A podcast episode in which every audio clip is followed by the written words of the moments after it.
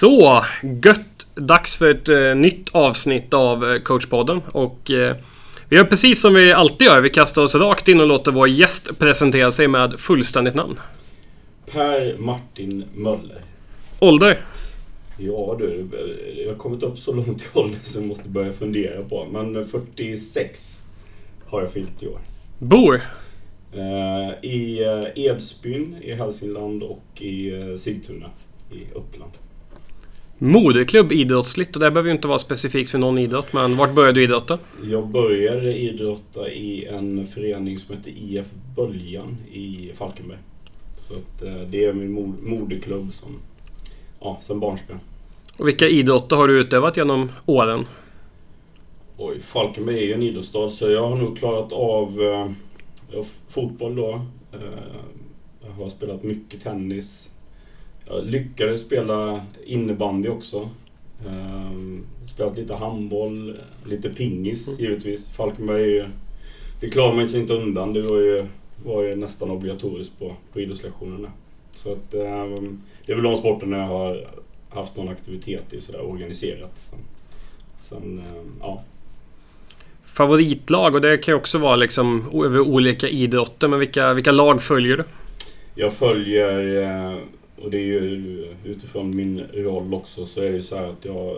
Eh, mina barns lag där de spelar är ju mina favoritlag. Jag har två, två grabbar så att eh, det är RA19 eh, som ett av dem och sen det, har det blivit Storvreta IBK som jag följer också. Så det får vara mina favoritlag. Och sen Sverige.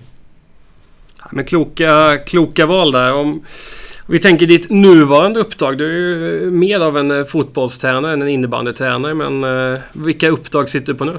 Ja, så är det. Många hattar har det varit genom åren och jag har väl, håller väl på att plocka av med någon hatt. Men i dagsläget så är det så att jag är, eh, jobbar på Upplands fotbollförbund som spelutbildare på pojksidan framförallt. Men även strategiskt eh, och planerar hela verksamheten vad det gäller spelutbildning. Och sen har jag, fram till nyår i alla fall, sen får vi se var det landar, eh, så är jag förbundskapten för, för U23. Ehm, så att, eh, och då, alltså Sverige U23 får jag säga.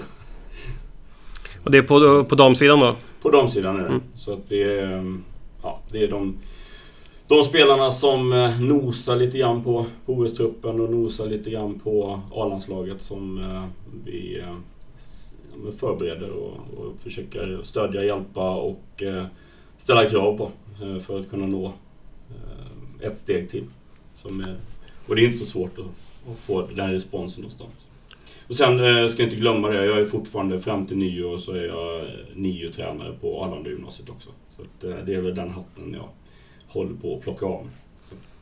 Och det är ju otroligt intressant U23 i fotboll att eh, man känner ju till det, jag som kanske inte är superinsatt i landslagsverksamheten men att det finns ju U21-EM och liksom ungdoms-EM. Finns det något mästerskap på U23 eller är det mest en stödinsats för att utveckla unga spelare som befinner sig i det här steget emellan?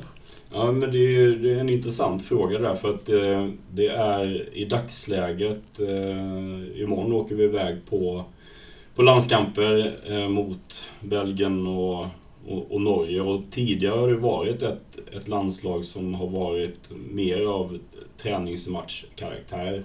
Men det pågår ett ganska så tungt arbete inom Uefa och få det till ett tävlingsanslag. Eh, och där är det Nederländerna som har drivit den frågan ganska hårt och vi är en sex, sju länder till som, som hänger på. Så att nu de här tre närmsta internationella fönstren så spelar vi då eh, matcher utifrån som att det skulle kunna vara ett kval. Mm. Så vi spelar hemma mot Belgien och sen reser vi mellan matcherna. Så vi reser till Norge efter det och sen eh, blir det eh, Italien i slutet på, på november. Så, så vi försökt att närma oss ett tävlingsformat. Eh, men det är fortfarande så att det är träningsmatcher. Men för de här spelarna så är det aldrig träningsmatcher. Eh, men, men eh, just utifrån ja, vad det, vad det Ja, men det, det, är ingen tävlings... Eh, inga resultat som, som man sammanställer i ett kval så, men så likt man kan komma. Och om man då tänker i seniorlandslaget lite grovt, hur många spelare finns det generellt sett i en damlandslagstrupp som är under 23? Ja, men det är några stycken som, som är under 23. Det är kanske med två, tre stycken eh, i vanliga fall. Nu är det väl, Bennison som, som är där. Eh, men det har ju varit en generationsväxling precis. Mm. Förra året så spelade ju ja, men Uppsala-bekantingarna här, både Filippa och, och Nathalie Björn, ja, Filippa Angeldal och Nathalie mm. Björn och Emma Holmgren som, som faktiskt kommer vara med oss nu den här, det här fönstret. Eh, spelade ju i U23 och därför är det fler spelare som också var där ganska nyligen som var med och tog OS mm. silver här. Så, att, så det är ju som sagt en liten generationsväxling och Bennison är väl den som har varit hos oss men ja, klivit förbi den, den eh, miljön. Sen vet man aldrig. Eh, men eh, just nu ser det ut så. För det är ju intressant. Det här har vi också haft om man kollar på innebandyn så har man ju något man kallar för guldsteget som då är på väg att bli något liknande. Just det här mellansteget. För där har man ju U19 men sen är det ganska stor lucka upp till seniorlandslag där snittåldern mm. kanske har varit 24-25 liksom om man tänker de yngsta liksom. Så att eh, Ja, men det är otroligt intressant att man vill liksom utveckla liksom och få liksom de här... Att det inte ska bli lika stora trappsteg mellan de olika landslagen där. Mm.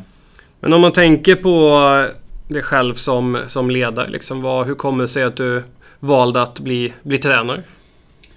Ja, någonstans tog jag ett beslut sådär tidigt i, i livet att eh, idrott var, var någonting som var väldigt roligt. Och, eh, jag är ju så pass så pass gammal så att det, det var väl inte så att eh, det var självklart att man skulle kunna leva på sin idrott. Som de ungdomarna som är idag och glädjande nog också en hel del av de här spelarna som är U23 och F19 eh, ser att det kanske börjar gå att leva på sin, på sin idrott som, även på, på damsidan.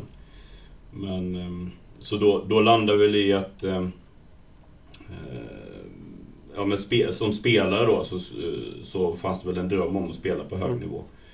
Och var ju med då i det, ja men du, motsvarande Upplandslaget, Hallandslaget i, i, eh, i fotboll och sådär. Men eh, kan väl säga så här, det, det var tur att jag la av. Eh, jag har sagt att en knäskada, jag är en av de få som, är, som, som säger att jag om jag inte hade fått den där knäskadan så hade jag blivit hur bra som helst. Men det hade jag inte. Så att jag, jag eh, är ju lite lycklig över att jag, jag åkte på lite den skadan och några, kanske några skador till som gjorde att ja, men det blev tydligt för mig att, att ledarskap och, och, och träna var det jag ville, ville bli. Sen har jag tagit några omvägar via skola och sådär och, och kanske också med, med åren mognat lite i mm. tanken över vilken typ av och vilken typ av uppdrag som är intressant och, och, och sådär. Så att, eh, men, men eh, jag tror ganska tidigt insåg att jag var bättre på att styra andra på planen än att spela själv.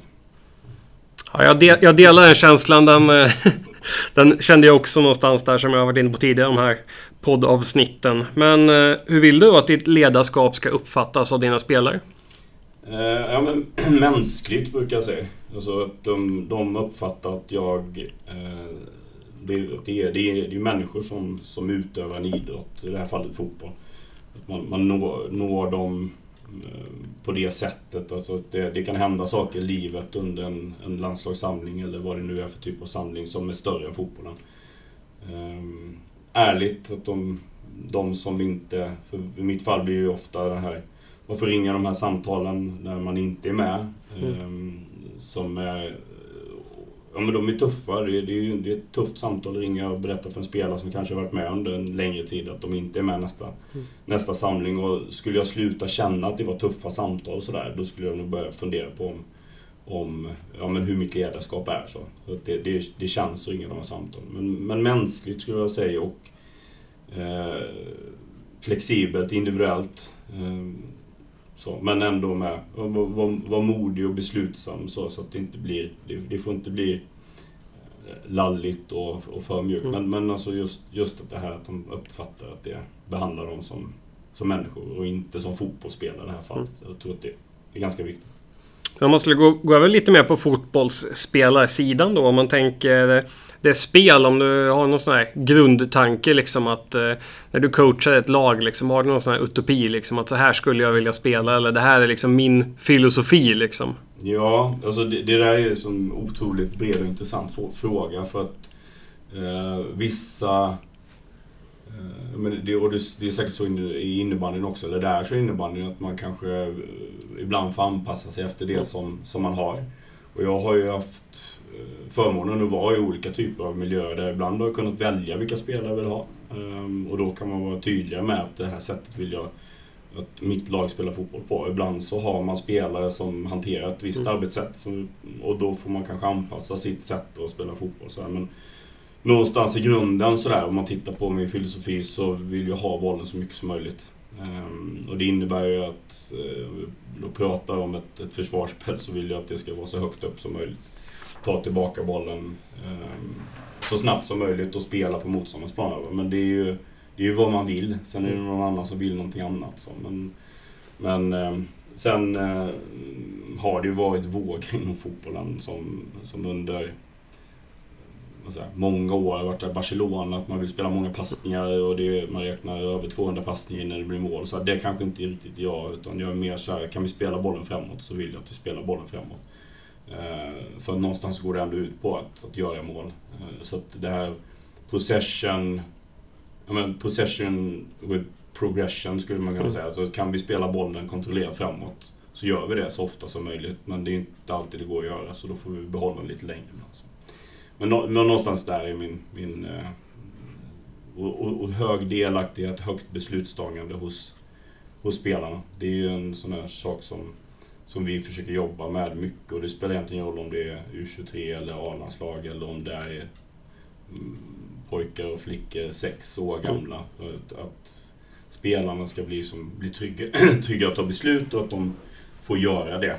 Eh, sen blir det fel ibland och då får man ju försöka reparera det eller göra någonting annat. Du nämnde ju lite kort här att eh, du har en viss koppling till innebandyn. Att, eh, framförallt genom grabbarna som spelar här. Men om du skulle få välja här, det blir en sån här antingen eller-fråga här. Men en kall och regnig oktoberkväll på någon konstgräsplan eller en eh, eh vad ska vi kalla det? Varm och upplyst oktoberkväll i någon fin innebandyhall. Vad, vad väljer du då?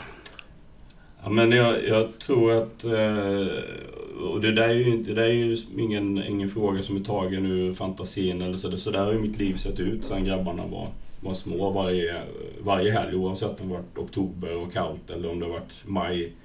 Så har jag nog försökt åka emellan eh, och göra både och. Eh, som åskådare eh, så är det klart att eh, det är ju varmt och skönt och en, en bra kaffe på läktaren sådär. Eh, som yrkesperson och kanske mitt genuina fotbollsintresse så, så skulle jag nog kanske välja eh, utomhus på, mm. på, gärna på naturgräs då. Exakt. Och det, jag tycker det är väldigt intressant också när man sitter i den här situationen att man kanske har yrkesidrott som profession och liksom jobba med att liksom spelare ska nå elitnivå. Sen kommer också här föräldraskapet in. Mm. Att det måste ju vara också en utmaning att man inte vill styra för mycket i att liksom fostra sina barn till elitidrottare samtidigt som man vill att de ska lyckas och bli elitidrottare. Eller förstår du vad jag menar mm. i den avvägningen? Hur, hur har du hanterat det? Ja, men det, är, det är ju upp till andra att bedöma ja. egentligen. Ehm, de har valt själva. Jag har två eh, grabbar och sen har jag en bonusdotter också som är som är nio, de är ju lite äldre grabbarna. Ehm, de har hela tiden fått välja själva hur mycket tid de vill lägga på sin idrott. Ehm, och vi har stöttat dem i det de har, har velat göra och så mycket tid ehm, som de har velat lägga. Och de har varit helt två olika individer. Mm. vad det gäller intresse från, alltså initialt intresse och eh, var det någonstans det har landat. Så att, eh, Viktor då som Eh, som är den yngre av dem, eh, var inte jätteintresserad av att spela innebandy. Mm. Och inte, har aldrig satt sin fot på en fotbollsplan. Aldrig någonsin varit intresserad av att göra det. Och även än idag när jag frågar honom så här. Eh, man kan titta lite i backspegeln och börjar bli... Och han är 17 nu så... Så säger han, nej jag har inte varit intresserad. Och man kan väl säga så här att han var inte jätteintresserad i början när han spelade innebandy heller. Utan han hängde mest på brorsan och fantastiska ledare i Sigtuna IF där de eh, har, som de har som moderförening, som lät honom som är 04 vara med 03 mm. Och då, då stod han också ganska mycket och, och vid sidan av och tittade på och, och var med när han ville och sådär. Medan Ludde då, eh, som är, ja, han är 18, fyller 19 nästa år här. Eh, han har ju varit eh, på plan i centrum, varit med, mm. hållit på med så mycket han har kunnat eh, och varit nästan sådär och det är fort, fortfarande idag att försöka balansera och, och, stoppa lite grann och tänka på det här med att det kan bli för mycket och så. Så det har varit jättestor skillnad så. Nu är alltså, bägge två spelar innebandy, har det som största intresse. Um, och, och Viktor, han är, han är med många av de spelarna som var från början. Så han är lagkapten i HJ17 i, i RA19. Mm.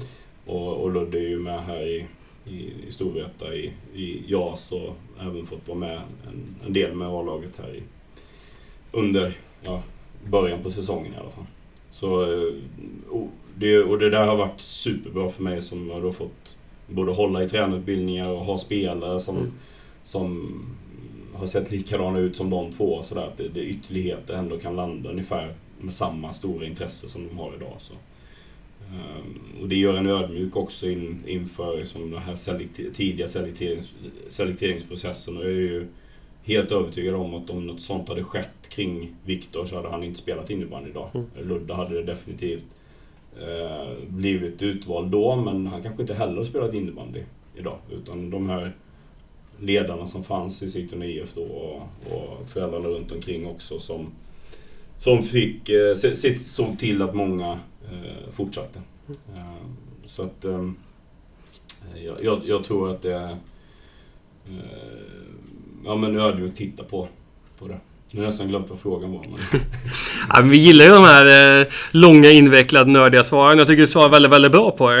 Eh, för det är ju precis de utmaningar vi står att Ibland liksom sitter vi på kunskap om spelare i form av att vi har utbildning, vi har fortbildning, men varje person är ju sin unik individ som gör att den kanske inte passar på just den här modellen och att man måste hitta sin egen väg. Och, nej, men det är ju fantastiskt när vi har en föreningsverksamhet som låter spelarna hitta sin unika väg fram och liksom inte sätter käppar i hjulet utan bara liksom ger förutsättningar. Mm. Så att, eh, men jag tyckte du sammanfattade väldigt bra i ett långt och härligt resonemang ja, där. Och det var väl mitt föräldraskap som ifrågasattes där. Men jag hoppas att det uppfattas ändå som att jag har hållit mig tillbaka och inte in, inte liksom lagt mig i för mycket heller sådär. Utan de har fått sköta. De gångerna de har sökt stöd så har jag försökt att ge stöd utifrån från, eh, ja, som förälder. Mm. Uh, in, inte som, som fotbollstränare eller, eller yrkesman utan mer som, som förälder. Jag tror det är viktigt liksom, att kanske försöka prata, och det vet du, det är ju jättelätt att säga, men försöka prata om någonting annat än mm. en innebandymatchen och resultatet, hur många mål man har gjort och, och sådär när man åker bilen hem. Så. Um, och jag har ju en som velat prata om det hela tiden, som man har försökt prata och en, en som inte har velat prata om det. Ja, men det är en intressant kontrast också, liksom, det måste ju vara väldigt utvecklande. Mm. Men om man tänker mer sportsligt då kring, eh, kring våra barn och ungdomar. Att om man tänker liksom att man har ett relativt ungt lag. Vi, vi går in, vi väljer att nörda ner oss lite i fotbollen lite extra idag, men 7 till 9 år liksom kanske. Vad, vad är viktigt att träna på då tycker du? Det, det barnen tycker är viktigt att träna på. Ehm, man, man, landar ju också ofta i att fråga, alltså, fråga barnen vad de vill träna på. Så, så i fotboll är det i alla fall så att många, många, de allra flesta säger att de vill spela. Och, och, och har man rätt förutsättningar och rätt, alltså rätt spelform för, för barnen så, så utvecklas de egentligen mest av att i den åldern spela så mycket som möjligt. Och gärna då kanske mindre form av deras eh, stora spel. För, alltså för oss i fotbollen är, har vi ju stort spel för för 5-6-åringar är ju, eller för 6-7-åringar är ju 3 mot 3, det är det största de ska spela. Mm. Så då blir det stort spel. Då kanske man spelar 2 mot 2 eller till och med 1 mot 1 på, på träning och, och leker fotboll på det sättet. Eh, men 7 till 9 år sedan. Men, men eh, får de spela så får de också utveckla de olika delarna som, vi, som, som sen betyder någonting när de kommer lite längre upp. Då. Eh, för där, där någonstans och ut, utveckla många förmågor själva där. Ehm, och jag, vi brukar prata om det där, vi hade förr ett teknikregister i fotbollen där man mm. kunde bläddra liksom, jag vet inte, 120 sidor. Du kanske har sett det så här, där, mm. hur man slog en bredsida, hur man gjorde en mottagning och sådär. Men allting slogs liksom omkull när man landade i att se när Zlatan plockar ner bollen ovanför huvudet med, med baksidan av foten eller, eller kicksparka in bollen. Så där. Det är ju få tränare som kan visa det i ett teknikregister. Så här, utan de, de tittar och sen så försöker de liksom eh, härma och, och mm. på någon slags modellinlärning där vi som är tränare kanske inte ska lägga oss i för mycket. Så, så att, eh, jag tror mer den åldern är viktigt med, med ledarskapet från oss vuxna och sen att de får, får spela mycket helt enkelt. Eh.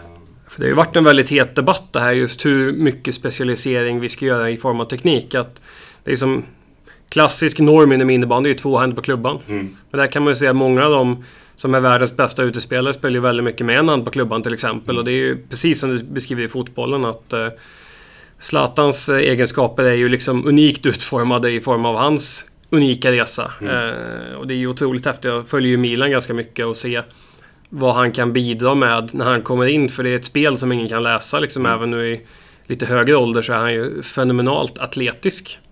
Så är det ju. Och det finns ju fler, det finns ju fler spelare som, som har de, de sakerna som, som sticker ut. Så, som, som de säkert har fått, fått utrymme att träna på i mm. spelet. Uh, och det, det, det, det är förmågor som jag tror behövs utvecklas.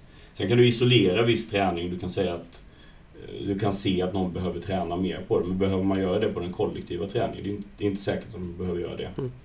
Eh, sen just i den åldern också så handlar det mycket om eh, Ja men det finns ju flera delar i det. Eh, vad, vad du har för, för social situation. Har du stora syskon som spelar fotboll hemma eller har du inte det? Har du möjlighet att gå ut och spela utanför där du bor eller har du inte det? Så, där. så att i den åldern så, som sagt, viktigt att, att ge dem möjlighet att spela och leka fotboll. Eller innebandy om det är det. Och det här med spelformer som du nämnde tycker jag är otroligt intressant. För det är, det är ju en klassiker liksom i framförallt innebandyn att man spelar match mycket på en träning på samma spelyta som man sen har på matchen. Att man spelar på 20-40 plan. Eh, och det här med liksom mått och storlek på plan, att där var ju fotbollen väldigt snabba på att anpassa spelytan efter års... För du nämnde 3 mot 3 mm. här för de yngsta liksom. Att mm. vilka, vilka spelformer finns det?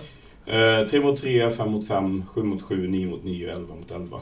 Eh, är det. Och när jag spelade fotboll som som barn då var det ju 7 mot 7, 11 mot 11. Mm. Och jag tror att gränsen någonstans gick runt 10 års ålder. Och jag, eh, när man bytte spelform då, eller kanske i bästa fall, jag kan inte, men mm. så var det 12. Men jag har för mig att i alla fall jag spelade 11, 11 mot 11 eh, ganska tidigt. Eh, och då blir ytorna enorma för, för en, ett barn.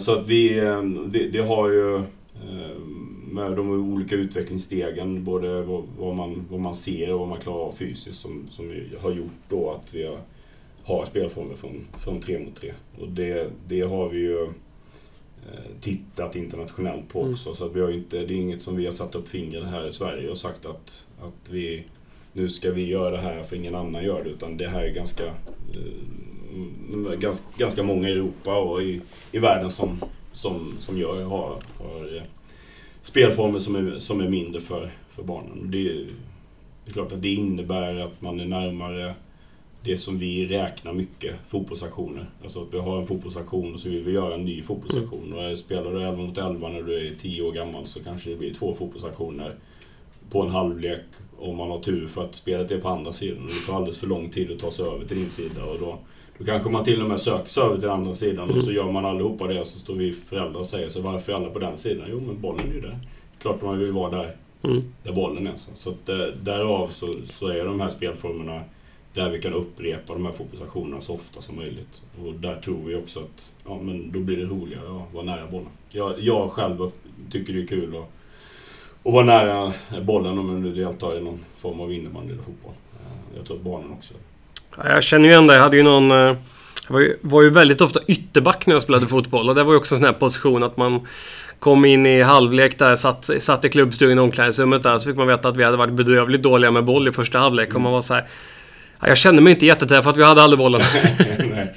Nej, och det är skillnad idag. Om man tittar mm. på, och det gör vi ju mycket, tittar på var, var någonstans vi tar fram bollen i plan och sådär. Så våra ytterbackar som också är modernt. Eh, eller det finns en form av ytterback, wingbacks. Och man mm. har ju bollen väldigt, väldigt mycket. Förr var det centrala mittfältare som hade bollen mest och sprang mest. Nu, är det ju, nu landar vi nog att det är ytterbackar och, wingbacks som, som har det. Så att du skulle spela fotboll nu istället. Ja, exakt. Jag var... var... Det som hade suttit istället med som, som eh, ansvarig för. Exakt. Jag tänker en annan het potatis när vi är inne, ändå inne och pratar liksom lite ungdomssporter eh, här liksom. Det är ju den här debatten att nu blir det ju tuffare och tuffare att kombinera flera olika idrotter i och med att säsongerna blir längre. Eh, det blir fler turneringar efter säsong och liksom så. Att vara liksom... Vad, vad är din syn på liksom det här med flera olika idrotter? Att när, när ska man trycka på den här magiska knappen och välja liksom sport, om man kallar det så? Ja, det. den som hade haft svar på det som... som eh, eh, det där tror jag är eh, otroligt individuellt.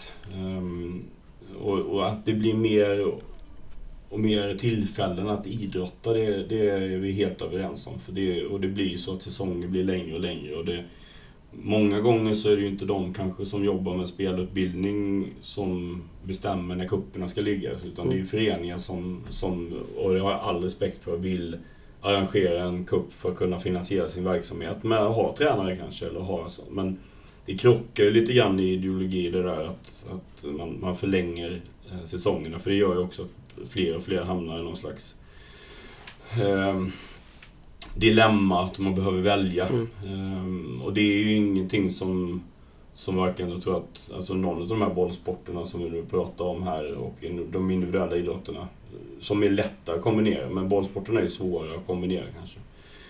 Uh, så finns det ingen magisk ålder.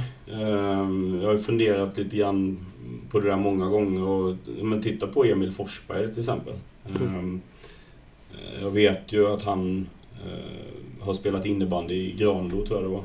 Jajamensan. Med Nils Bert, bland annat här, tror jag han spelade med. Och hade, hade väl själv en uppfattning, jag tror att de runt omkring honom också hade en uppfattning om att han skulle välja innebandy för att det var det han var bäst på. Han är ju hyfsat bra nu. Eh, den som gör mest mål i förra mästerskapet och kanske var mest tongivande spelare tillsammans med Isak här de senaste, mm. eh, senaste matcherna. Så att, eh, och han valde när han var 17 det som jag tror att man behöver ha med sig det är det här att eh, om, man ska, om man ska bli bra i fotboll eller bra innebandy så tror jag att det går att kombinera eh, flera sporter. Eh, men det går inte att ha uppehåll sex månader om året från den ena sporten och mm. sen träna den andra sporten. Så för, att, för att man lägger många timmar på innebandy så kommer man inte bli bra fotboll eller tvärtom. Utan jag tror att det, det, här, det magiska i det här det är att hitta ett sätt att kombinera det här. Att man har tränare runt omkring, vuxna runt omkring som är kloka med att se till att det finns utrymme att träna de, de olika sporterna. Eh, att man själv också har, har eh, utifrån belastningen en, eh, en klokhet i hur mycket det blir. Alltså Emil Forsberg här tränade ju kanske 10 pass i veckan. Och det behöver kanske inte vara de mest belastande passen mm. fysiskt, mm. men man ska byta om och man ska ta sig därifrån och man ska sitta i omklädningsrum och det ska ätas tillräckligt och sådär. Så det är klart att det är en bedrift att ta sig dit han gjorde. Och sen ska man ju veta det att han är ju ingen som slår igenom tidigt, utan han är ju ganska sen ut i proffslivet. Han är sen in i, in i landslaget och, och så. Och det kanske man också behöver ha med sig om man gör det valet mm. att hålla på med fler idrotter längre. Då, då debuterar du inte i ett A-landslag när du är 19 eller 20. Eh, utan då, då tar det lite längre tid. Och det är kanske också viktigt att prata med de här spelarna om och säga att kör på. Gör så länge det är roligt och du får eh, vila mentalt från den ena sporten. För så kan det vara också. Mm. Att man får, får liksom tänka på någonting annat. Man, kanske går tungt i den ena sporten under en viss period så kan man lägga mer energi på den andra men ändå ha kvar det här. Att man pratar med de här spelarna för, för risken är att det blir för mycket och så lägger man av både och. För det, det har vi också sett en del göra. Mm. Uh, Matilda, Matilda Plan som var med nu i U23-landslaget, hon är lagkapten i Eskilstuna som slåss om en Champions League-plats uh, nästa år. Uh, då, hon, hon är alltså... Är förra året hon lägger av med bandy. Så att hon har spelat, hon har VM-guld i och inte innebandy utan i bandy. Och hon, mm. hon lagkapten i ett lag som slåss om Champions League-platser och med i U23-landslaget. Och, och, hon har kombinerat länge men till slut så blev det, ja men nu måste jag bestämma mig för någonting och då blev det fotboll i det här fallet. Kunde lika gärna bli mm. bandy. Så, så jag tror att man ska vara klok kring de här när man går längre ner i åldrarna, och som jag börjar prata om som 10-12 där, då finns det för mig ett bekymmer att de ska behöva sätta sig i de situationerna. Då kanske man behöver som vuxna runt omkring organisera verksamheten så att det inte blir de här krockarna. Man kanske inte ska anmäla sig till alla kupper som finns. Eh, kanske ska se till att det blir en bra övergång. Vad är närmsta innebandyförening? Kan vi prata ihop oss med dem så att vi kan ha en fotbollsträning och, och två innebandyträningar och så tvärtom också så, där, så att man landar i det. Eller om de nu har tre eller fyra träningar totalt i veckan. Så, så, så att, eh, men sen, sen, är det ju så här att om du väljer en sport bara, och det, det tror jag att det har man gjort, det har man koll på innebandyn också, att det här då måste man komplettera med, med annan träning för mm. att få helheten som man kanske hade fått om man hade tränat fotboll eller handboll eller Stavhopp är ju populärt i Uppsala. Alltså, men men vad, vad det nu kan vara så, här, så, får, så att man, man inte blir ensidig och bara gör en sak. Så. Eh, så, så ska man då specialisera sig tidigt. För det finns många som, som vill göra det. Och då kanske man inte heller ska tvinga någon. Du måste, du måste ha en sport till. Men jag vill inte. Så här, då, då kanske man behöver eh, se till, okej okay, du vill träna innebandy året runt. Men hur kan vi komplettera din innebandyträning mm. så att du blir allsidig i din rörlighet, allsidig i din, dina riktningsförändringar och så, så att det inte blir så att du sliter för tidigt. Så att, ehm, Ja, alltså två exempel från fotbollen där man har på med, med sporter länge. Sen har vi Albin Ekdal som aldrig har hållit på med, han har säkert gjort det i någon form, men mm. inte, inte som... Han har spelat fotboll länge och han, han är också en, är med i A-landslaget på här sidan. Så. Ja, och det, det är precis som du beskriver, liksom, det är två saker jag tycker är jätteintressanta. Det ena är ju den här mångsidigheten. Att där kan man ju se liksom, nu är jag väldigt grovt generellt här, men en innebandyspelare som har spelat fotboll högre upp i ålder, den tenderar, nu säger jag tenderar, ett väldigt generellt exempel här, men att vara lite mer konditionsstark. För man har lite längre löpsträckor i fotbollen. Framförallt får man löpa ut lite mer rent eh, kroppen liksom får ett bättre naturligare löpsteg. För innebandyn då har vi ju det här Ofta är en löpning 5-10 meter. Det är väldigt sällan du får de här 25, 30, 40 meter. Mm. Och det är ganska sunt när det gäller att utveckla snabbhet, att mm. få löpa ut. Sen har vi också den här motsatsförhållandet att eh, när jag börjar bli trött innebandy konditionsmässigt, ja då ska vi byta. Mm. Så att vi får ju sällan det här att du måste bita ihop 45 minuter till. Och om du är trött i 40, 70-50 minuter i fotboll liksom och eh, tränaren inte vill byta, ja då får mm. du ju kriga. Mm. Eller vara smart. Eller vara smart.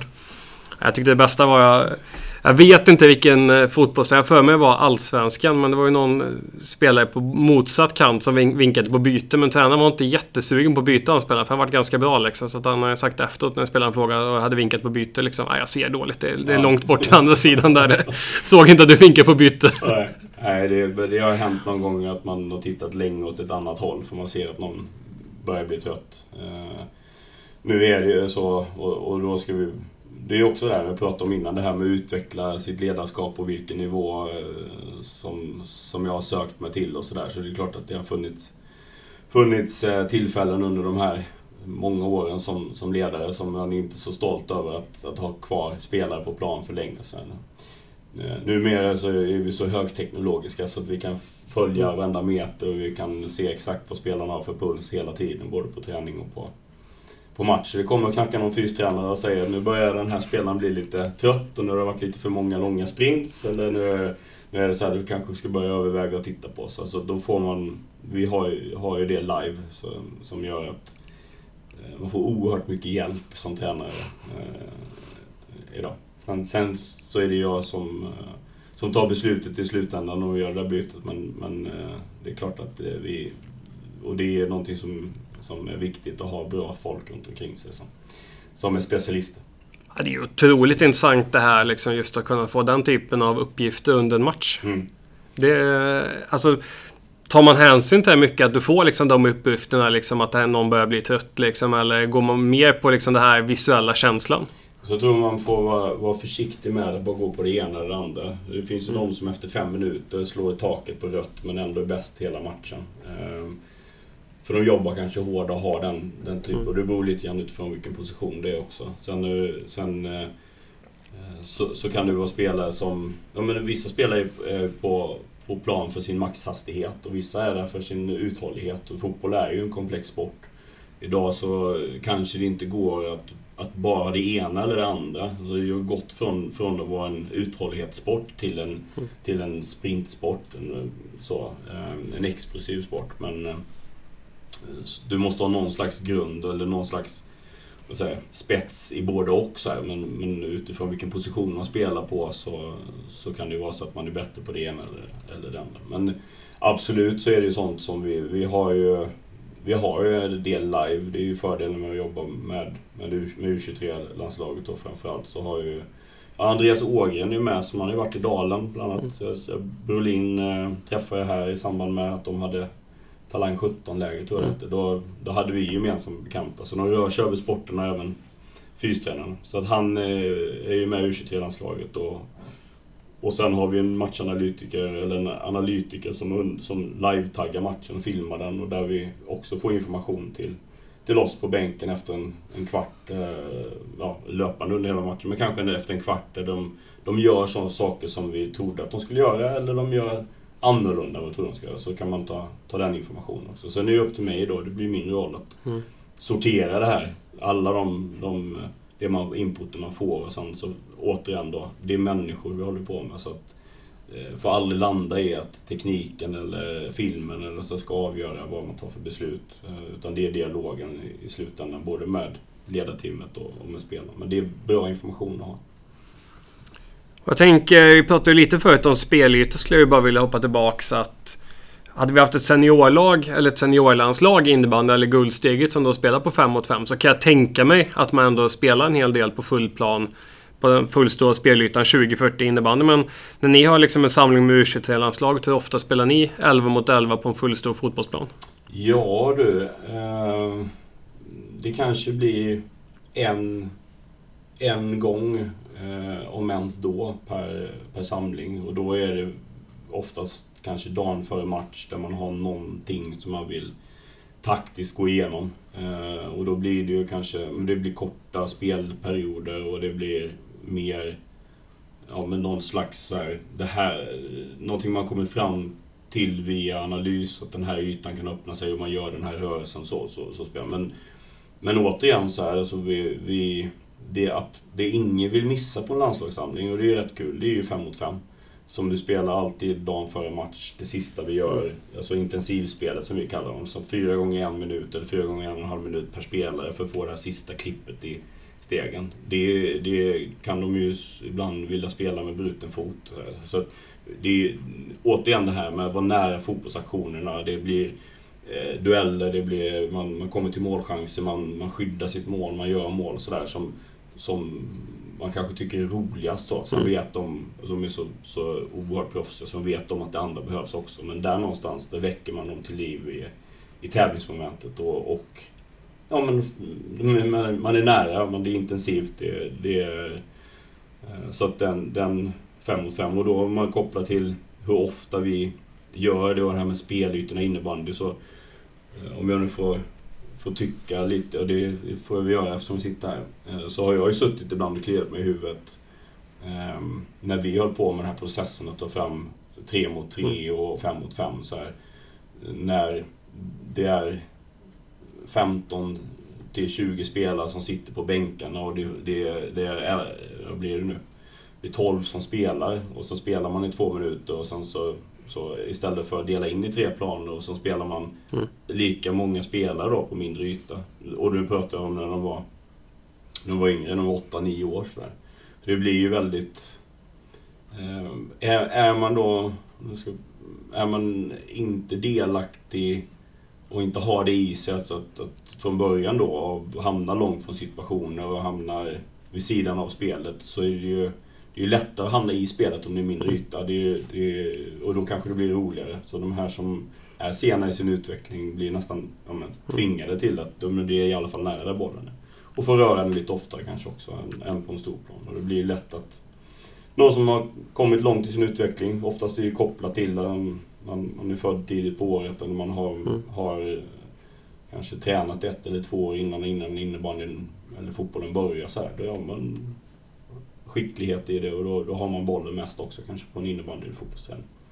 Så det, det, har jag ibland. Eh, och det, det, har jag sett mer och mer och det blir jag ju glad för. Att man delar planen man, mm. man spelar. Jag ser ju när, när Ludde och, och Viggan tränar också att de kan ibland eh, ställa målburen i ett hörn och spela liksom två mot två in i ett hörn och sådär. Att det blir ju, så högre, upp, högre nivå det blir och så ser man att man har mer och mer kompetens i vad, vad, vad ger någonting mm. så i träning. Och det tror jag att man behöver skicka ner också.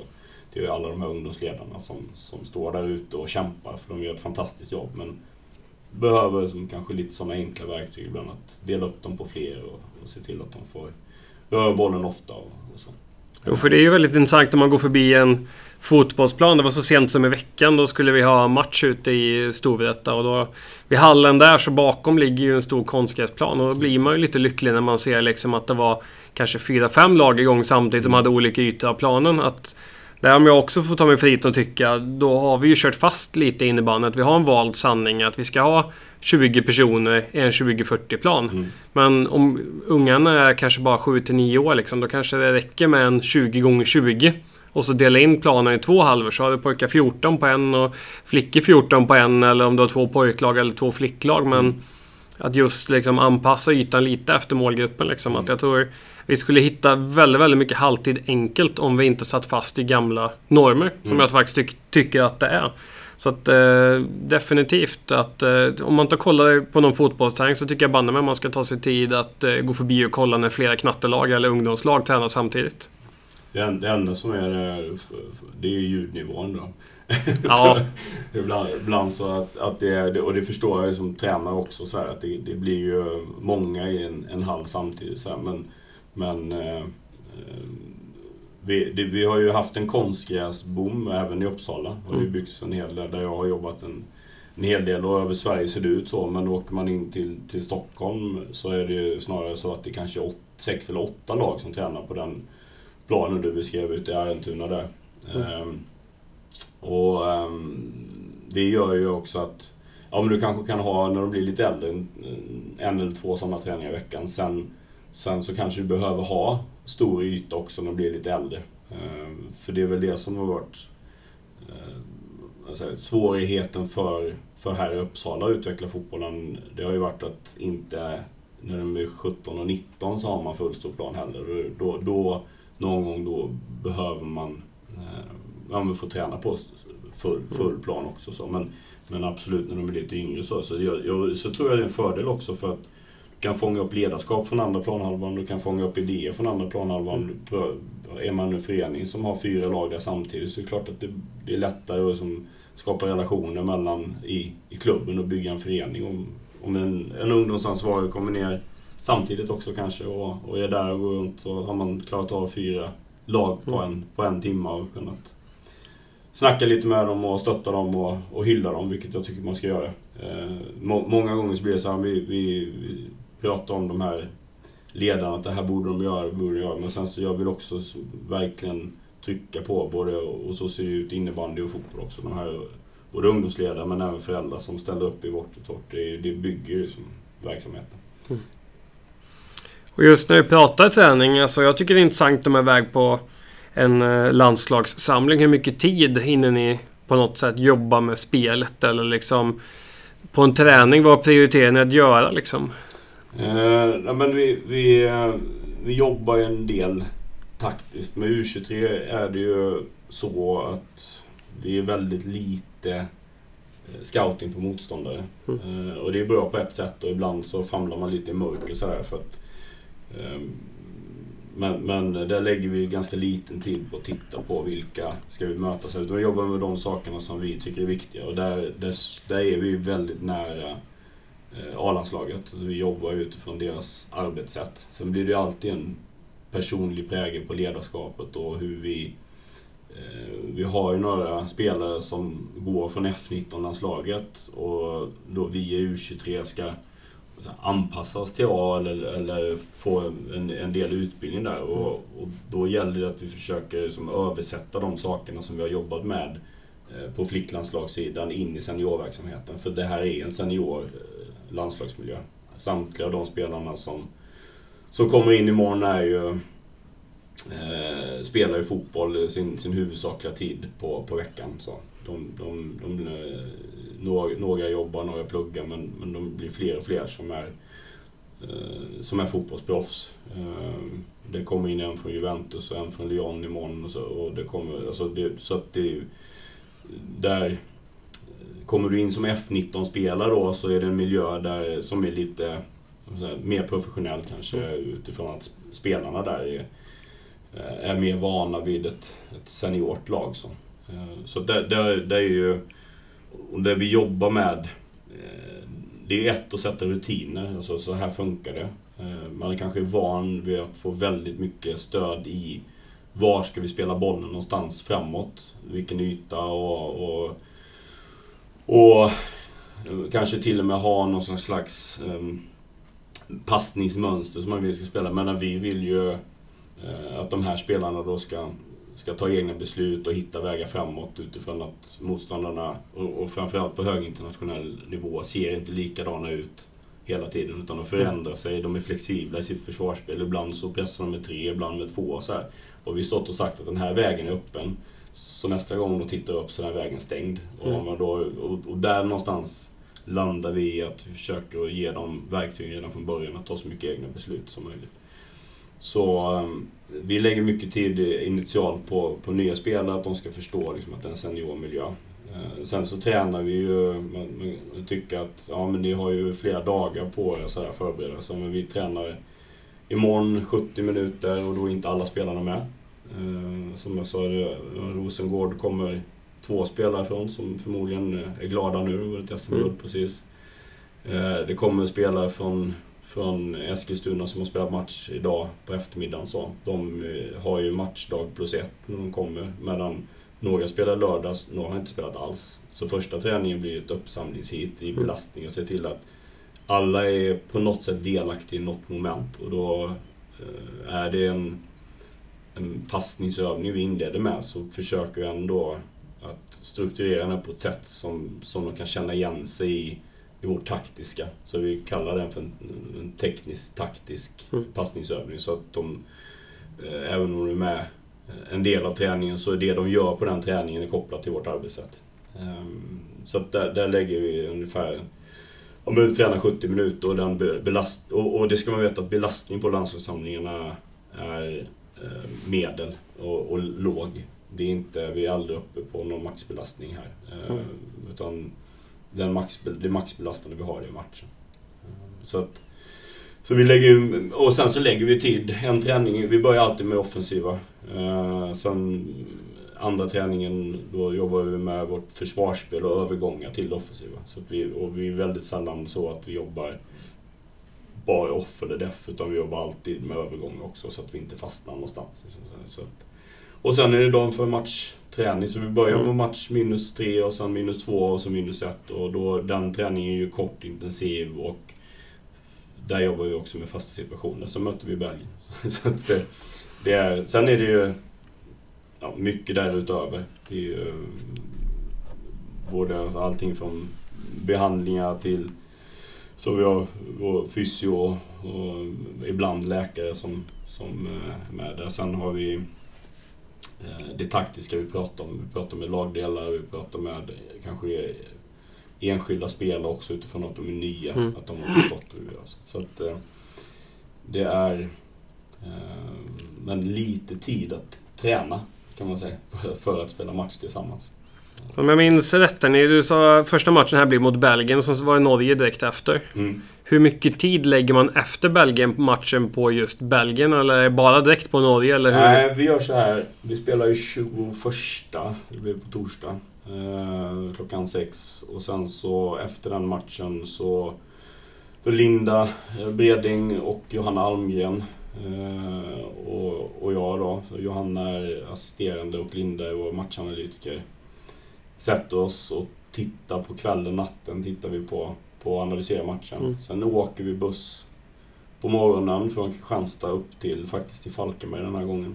Uh, för det blev, bussresa blev smartast den här. Mm. För att det, ja, kort flygning men många procedurer innan vi mm. ska in där med allt vad Corona och tester och sådär. Då, var det, så då stannade vi efter ungefär två timmar eh, för promenad, eh, lite rörlighet för att inte sitta dagen efter match på buss för länge. Och sen eh, har vi en matchanalys där, stänger vi Belgien-matchen. Mm. Sen när vi sätter oss på bussen igen och åker från Falkenberg, då är det Norge som gäller. Um, och sen så hänger det alltid kvar några trådar sådär. Men vi mentalt behöver... Som, ja, och det här är ju någonting som vi gör för att så ser det ut för vårt A-lag. Så, så har de mm. spelat en, en kvalmatch och det har gått bra så behöver man liksom förbereda sig för nästa. Janne brukar säga det på, på här sidan och Peter och Magnus som också är Uppsala-bekantingar. De, man fokuserar på en match i taget. Och sen så, för annars blir det väldigt splittat för spelare, för oss, för ledare, för alla. Att man börjar prata och blanda och så. Och Belgien och Norge är ju helt skilda i hur de kommer möta mm. oss.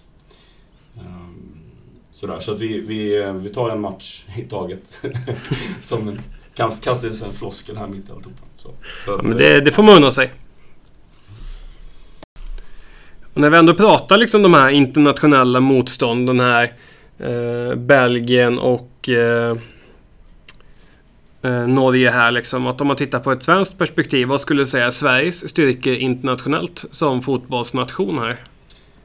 Eh, ja, men att vi är väl förberedda. Förlitar oss inte på att...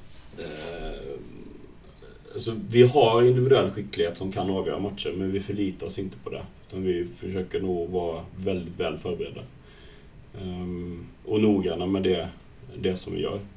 Um, och det är, det är väl generellt så både på, på dam och herr skulle jag vilja säga att vi, vi är det här kollektiva på något sätt som, som, som säkert sitter någonstans i vår kultur och sitter så här.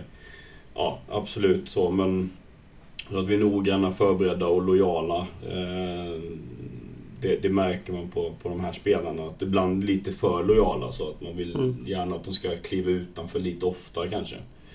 Eh, de gör gärna som... Alltså det är, där, det är kanske därför också som vi är noggranna med att inte ge dem för mycket direktiv eller för mycket passningsvägar eller för många saker som, som vi vill att de ska göra. För då gör de det och, och kanske inte någonting där, därutöver. Uh, alltså fotboll och innebandy också, det är en improvisationssport. Mm. Där det, man, kan, man kan organisera till viss del men det är fortfarande så att, att det du, det, de besluten du tar som individ, det är det som avgör eh, åt ena eller andra hållet. Och det, då får man, får man får, det värsta som är, det är ju när spelare inte tar några beslut alls. Mm. Då, är, då, spelar man inte så länge. Ehm, så att, ehm, det, men det, det, är väl vår styrka, så att vi, vi är väl förberedda och att, att vi är noggranna och lojala mot det. Sen, eh, sen handlar det om att, att ha spelare på, eh, på plan som sen kan avgöra fotbollsmatcher. Det, det tycker jag att vi både på de och här sidan börjar få fram också individuellt skickliga spelare som, som, eh, som man ibland kan liksom, ja, kan känna att det, var, det är skönt att Alexander Isak halkade och satte den i krysset för det. det eller eller mm. att den, så, för, ja, det, det, är, klart att hans individuella skicklighet kan sätta i alla fall prägel och avgöra fotbollsmatcher så på den, på den nivån. Och det med att avgöra fotbollsmatcher, det, det är ju extremt intressant. Att liksom, faller det bara tillbaka på att det är en teknik eller kan det vara liksom... Vad är en spelare som kan avgöra en fotbollsmatch? Ja, men vi har ju, vi har ju en, en, eh, en fantastisk målvaktstränare hos oss som, har, som jag, jag, och det, jag, jag försöker alltid omge mig av, av mer kompetenta människor än jag själv. Det är inte så svårt att hitta dem. Men, men men man kan, alltså att har bra folk runt omkring sig. Mm. Men, och som säger vad de tycker och som har... har eh, eh, och det, vi har en målvaktstränare som heter Pelle Fahlström, Per Fahlström. Fala kallar en gammal bayern målvakt Det är väl det enda man kan hålla emot honom. Men han har, han har fått oss och spelarna att jubla lika mycket när vi när blocket skott eller, eller målvakten räddar och, så vidare. Så här, för det är ju lika mycket värt det som mm. när vi gör ett mål framåt. Um, vi har en tendens liksom att, att bara hylla det offensiva så här, men vi har massa spelare som, som gör saker um, åt andra hållet. Så um, och det som jag tror, alltså det är ju att spela klart situationer brukar jag säga att vi, vi är bra på och vill göra. Att, vi, att all, alla är med och skyddar målet, alla är med och trycker in bollen i målet. Um, så det är väl en, en sån här... Men det är väl en attityd mm. att, att ha. Att, att vara med hela vägen oavsett om det är off eller def. Så, men det har vi i alla fall fått in hos oss. Att, och det, det, tycker jag att man är bättre på innebandy generellt sett. Man jublar ofta, målvakterna får oftast eh, som en cred eh, för när de räddar straffar, räddar bollar på ett annat sätt kanske än vad vi har varit bra på i fotbollen. Det har varit lite så här, ja men den ska de ta, så här, det, det mm. ingår i jobbet. Så. Men, men där har vi, jobbar vi på att bli bättre. Så, um, så att, um, ja någonstans eh, där. Var det något svar på frågan? Mer det, det, det, var nog ett, eh, det var nog en mer konkret riktad fråga hur man avgör mm. matcher, men det blev ett eh, klassiskt där, laget före jaget ja, svar där. Ja men, ja, men lite grann så. Alltså det, jag, jag, jag tror att... Eh, ja, men jag tror att attityder och, och inställning till det hela avgör, avgör fotbollsmatcher. Eh, mm. Sen givetvis kompetens. Är det, vi har mött lag och spelare i år som man, som man blir oerhört imponerad av, som vi har kunnat skydda oss emot eh, största delen av matchen, men ändå som vi lyckats och, och straffa oss. Um, sådär, så det är klart att eh, individuella färdigheter, skicklighet eh, är också sånt som kan avgöra fotbollsmatcher. Mm. Ja, det är extremt intressant att titta på min, mitt eget lag som jag coachar. Och vi, vi mötte en motståndare som eh, hon är extremt duktig på att bryta in i banan. Och hon får bollen i ett sånt läge kanske 14 gånger på 60 minuter. I och med att du hamnar ganska ofta som forward i ett sånt läge. Och Alltså 13 gånger så lyckas vårt försvarsspel som vi har pratat om, liksom med en första press, sätta stopp och vinna boll och vi får en spelvändning. Och sen eh, är det en gång som då hon kommer förbi. Men då kommer ju då nästa spelare, vår center, upp och gör ett jättebra skottäck. Och sista gången då av de här 15 inbrytningarna så kommer hon förbi och gör mål. Mm.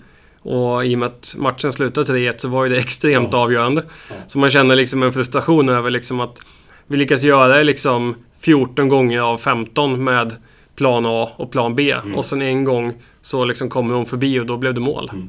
Så att, ja, men det är otroligt intressant där. Och du nämnde ju här några länder eh, som har imponerat. Men eh, vilka länder är det och vad är det som har gjort att de har imponerat?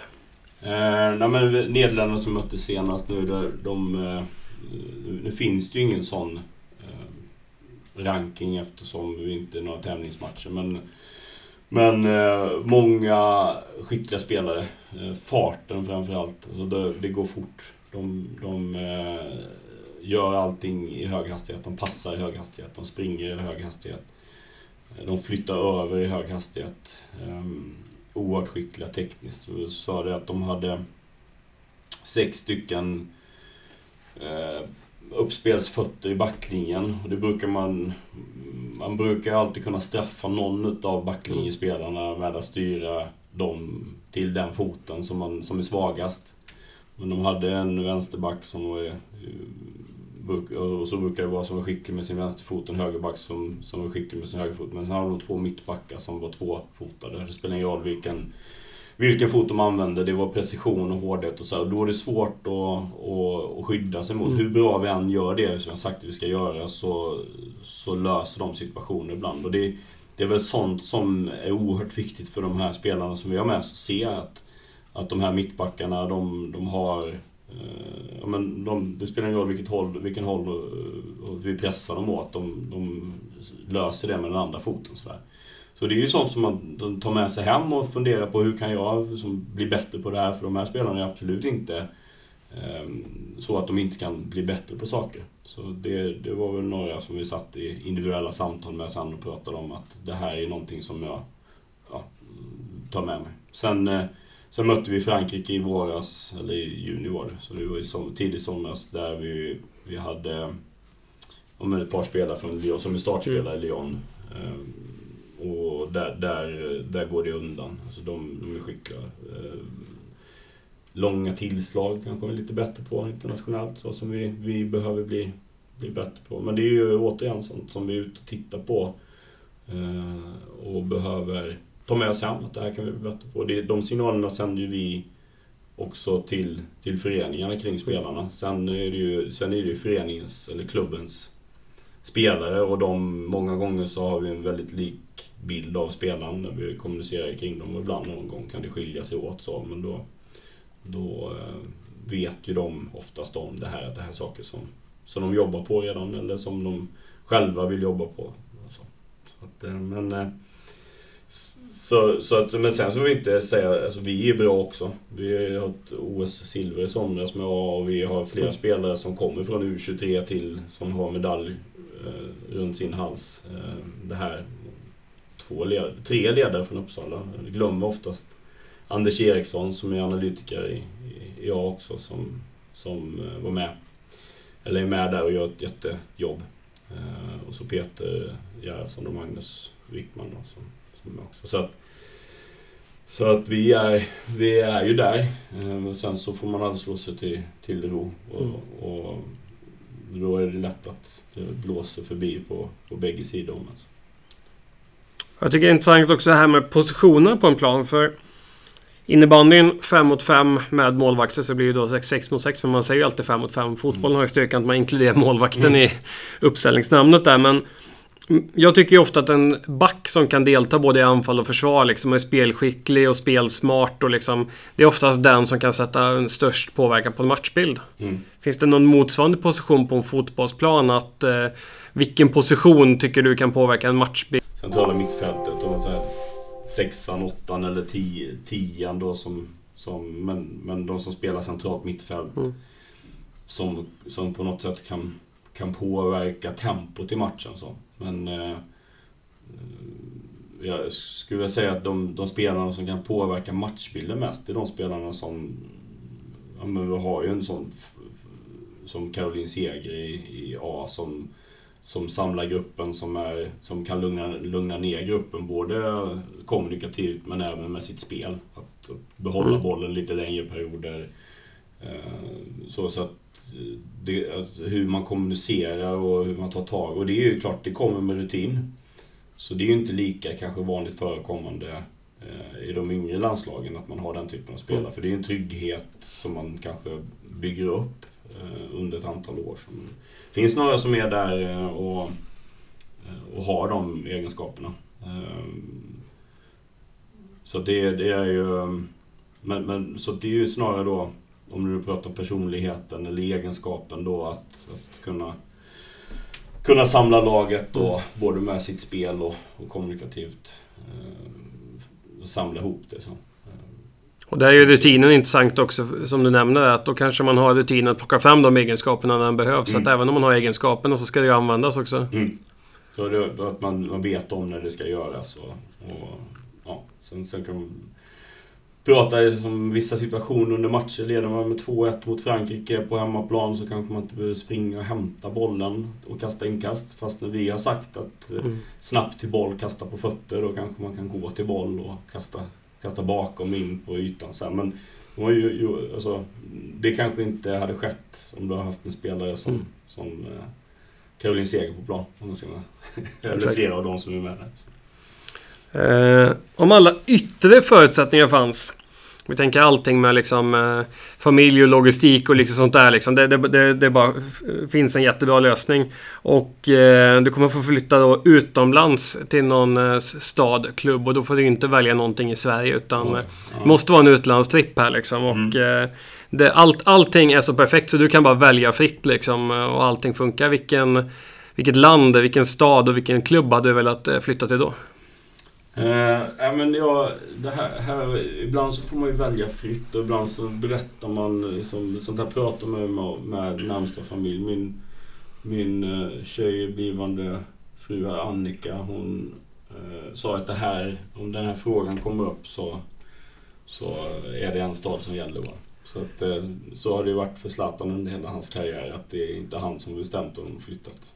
Eh, det har vi ju sett allihopa. Ja, eh, det lät, lät innan som att jag inte gillar Barcelonas sätt att, att, att spela fotboll på. Det var ju fantastiskt att se dem eh, spela fotboll, i alla fall inledningsvis. Eh, och, så att det är väl en stad som, som eh, kommer upp. Sen finns det en del städer i närheten där som jag har lite förälskat mig i... Eh, Eh, jag gillar ju Villarreal, Calderon där, så mm. det som, som ligger. Valencia är också trevligt så. så att, men någonstans i Spanien skulle det ju vara, vara intressant också utifrån den utvecklingen som, som är där på, på fotbollen. På, alltså på, på damsidan. Att den ligan kommer säkerligen också växa och, och bli, bli riktigt vass. Ehm, så det, det kanske eh, Eh, är Spanien som gäller. Och jag, jag är ganska dålig på språk. Jag tog mig många år på en internationell skola och lärde mig engelska så att jag knagglar mig och lära mig spanska. Eh, det skulle vara intressant att lära sig språk på, på äldre dag. också. Så, vi går helt enkelt vidare till eh, nästa moment där du ska få svar på fem snabba frågor. Och dessa har du ju inte fått sett i förväg utan det blir ju snabba och impulsiva svar då. Ja. Och första då, match eller träning? Uh, ja, det, är ju, det är ju fest när det är match. Det är ju som examen, som match får det. Anfall eller försvar? Anfall. Hörna eller frispark? Ja, är det kantfrispark eller? Ja, det är fri, fri tolkning. Eh, nej, men frispark. Match i Sverige eller match utomlands? Um, alltså, publik är ju jättetrevligt när de hejar på oss och är mycket folk och, och så. Så att det, om det är fortfarande i oktober nu så är utomlands. Annars så är det definitivt i, i Sverige. Konstgräs eller gräs? Gräs. Jag tänkte säga, jag ska inte säga naturgräs för det känns som att vi måste vända debatten lite. Att det finns gräs eller konstgräs. Gräs eller konst. Naturgräs finns inte. Ja, jag kanske har sagt det under, under inspelningen. Så, för att det, man, man får förtydliga ibland för, för nästa generation. Men kommunikativt tycker jag att det är helt rätt att säga naturgräs. Det är med att eh, jag som person försöker tänka, tänka gräs mm. liksom. Men det Ja, det är en, det är en annan intressant eh, frågeställning men... Eh, ja, det kan, vi ha en, en hel podd till då. ja, exakt. Så att jag kan bjuda in, så tipsa om några gäster som vill med och prata om det. ja, nej men det är en debatt vi inte ska, vi inte ska ta här och nu, men eh, delikat. Men eh, sista momentet här, det är ju då att du ska få välja ut en drömuppställning och jag gav ju lite olika alternativ här. Mm. Antingen om du vill ta fotbollsspelare som passar bra in på innebandyplan eller om du vill köra en innebandyuppställning eller en så kallad Five Aside som det kanske kallas då med en målvakt och fyra utspelare i en fotbollsvariant. Mm. Men hur, hur har dina tankar gått? Ja, men jag kastar mig rakt in i innebandy faktiskt. Ja, men det hyllar vi. Och det, det är utifrån att jag... Det är ju...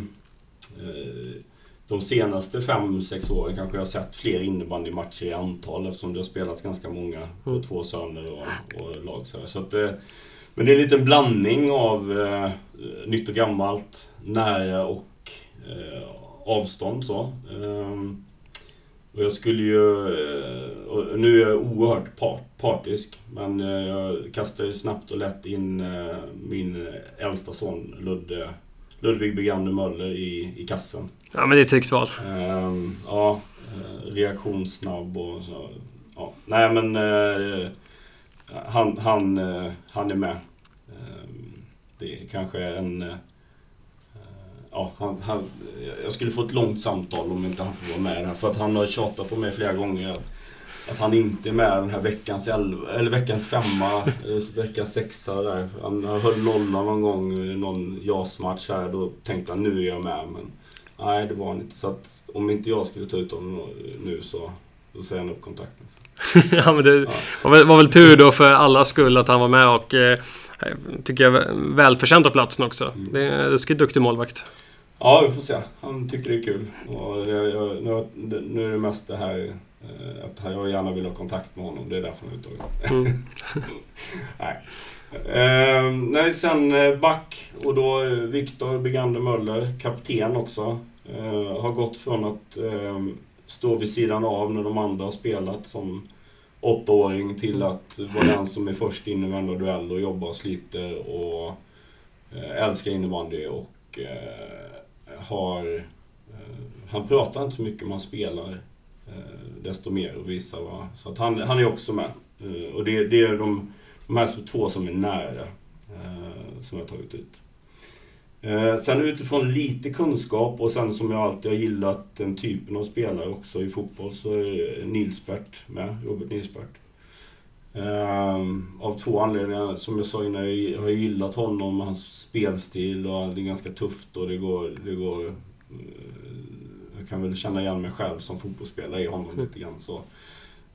Och sen så fick jag då som via Ludde också höra hur han tog hand om om honom på första han var med på träningsläget här. Att han, sån, den typen av personlighet jag gillar jag när man, när man liksom ser, ser att det är unga spelare med som kanske är lite vilsna. Så här, som, man, som man fångar upp och ser till att de trivs och, och, mm. och så. När på ganska kort varsel blir får åka med. A-laget. Eh, men som sagt, som innebandyspelare så märks ju en stor skillnad också när han är med här och han inte har varit med. Eh, sen eh, världens bästa center genom tiderna tror jag att hon är. Eh, jag tycker att hon är Anna Wik. Mm. Eh, måste liksom lyftas fram. Eh, hon har gjort det, hon har hyllats genom, genom många år så men, men eh, ja, nej, hon, hon är med som center. För att balansera upp det här grabbgänget som det skulle bli annars. Och sen så har vi på ena forwardsplatsen så har vi Magnus Svensson. Och det här kommer en liten... Magnus Svensson är ju, var ju klubbkamrat med Magnus Svensson. Eh, det kanske du känner till. Magnus Turbo Svensson i mm. Vinberg. Fotbollsspelare. Eh, och jag är ju från Falkenberg från början och det är Magnus Svensson också. Han var rätt hyfsad på innebandy. Eh, det var väl den som fick hela som Varberg, Falkenberg och så bli intresserade och lyfta eh, bland annat då med, med VIK 85 tror jag de hette då, innan de hette Varbergs innebandyklubb. Så att eh, han är med också eh, i den. Och sen så har vi på andra kanten Kim Nilsson.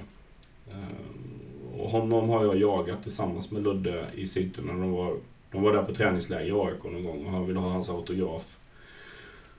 Och han skrev och han... Och sen så fantastiskt innebandyspel också. Mm. Um, jag har aldrig träffat honom mer än den gången, men han verkar vara, vara en bra kille också. Men kul att se när han spelar innebandy. Så jag har tagit ut coach också.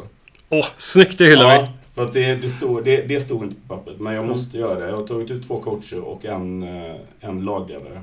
Jag börjar med lagledaren som är absolut viktigaste. Eh, och det är hon som är lagledare i RA 19, Bittan Rosendal. Eh, som lägger ner alltså, hela sin fritid på, på grabbarna och eh, både alltså, ja, i laget och i klubben. Och fixar och donar år ut och år in. Och jag tycker vi glömmer ofta av de som, är, som inte är tränare utan som är fantastiska människor runt mm. Om, omkring. Eh, får grabbarna att må bra så. så att, eh, jag vet inte om du vet jag är, men hon, hon är en av dem som, som gör ett jättejobb där i den föreningen. Ehm, och sen Binge Gädelund. Har ju varit kollega med ett tag. Ehm, också betytt... Eh, jag pratar mycket ledarskap med honom. Mm. Ehm, och han har en, och en, en del tror jag är också att, att Ludde fortsätter och tycker att det är kul och, och han, han, ser oavsett om man är eh, den som är, eh, är vassast eller den som är lite svaga, svaga så, här, så, så ägnar han tid och, och, och kollar. Och sen hans vapendragare förr i alla fall, som är eh, Pelle Gabrielsson. Som jag har, eh, har med där. Så att de Pelle och, och Binge och som Bittan som lagledare tror jag det skulle vara ett bra, bra bås där. Ja, det är fantastisk eh, trio i alla fall. Det blir bra surr också på, på bänken där liksom. Ja. Det, Kommer ja, inte det, vara tyst på bänken. Nej, det kommer inte vara tyst på, på bänken. Så att, uh, ja, Pelle en, han är en hejare på att spela trummor också vet jag. Så att, uh, ja, jag ska åka till Gotland en gång och titta på hans blues eller countryband eller vad han lirar. Ja, det är ju fantastiskt. Lite kuriosa. Ja, nej, men det är... Och Hyll, Hylla valt att ta ut ledare. Fantastiskt fin eh, uppställning och eh, väldigt många fina och kloka svar. Så att, eh, stort tack för att du tagit tid att medverka i coachpodden. Ja, ett nöje. Mm, en ära.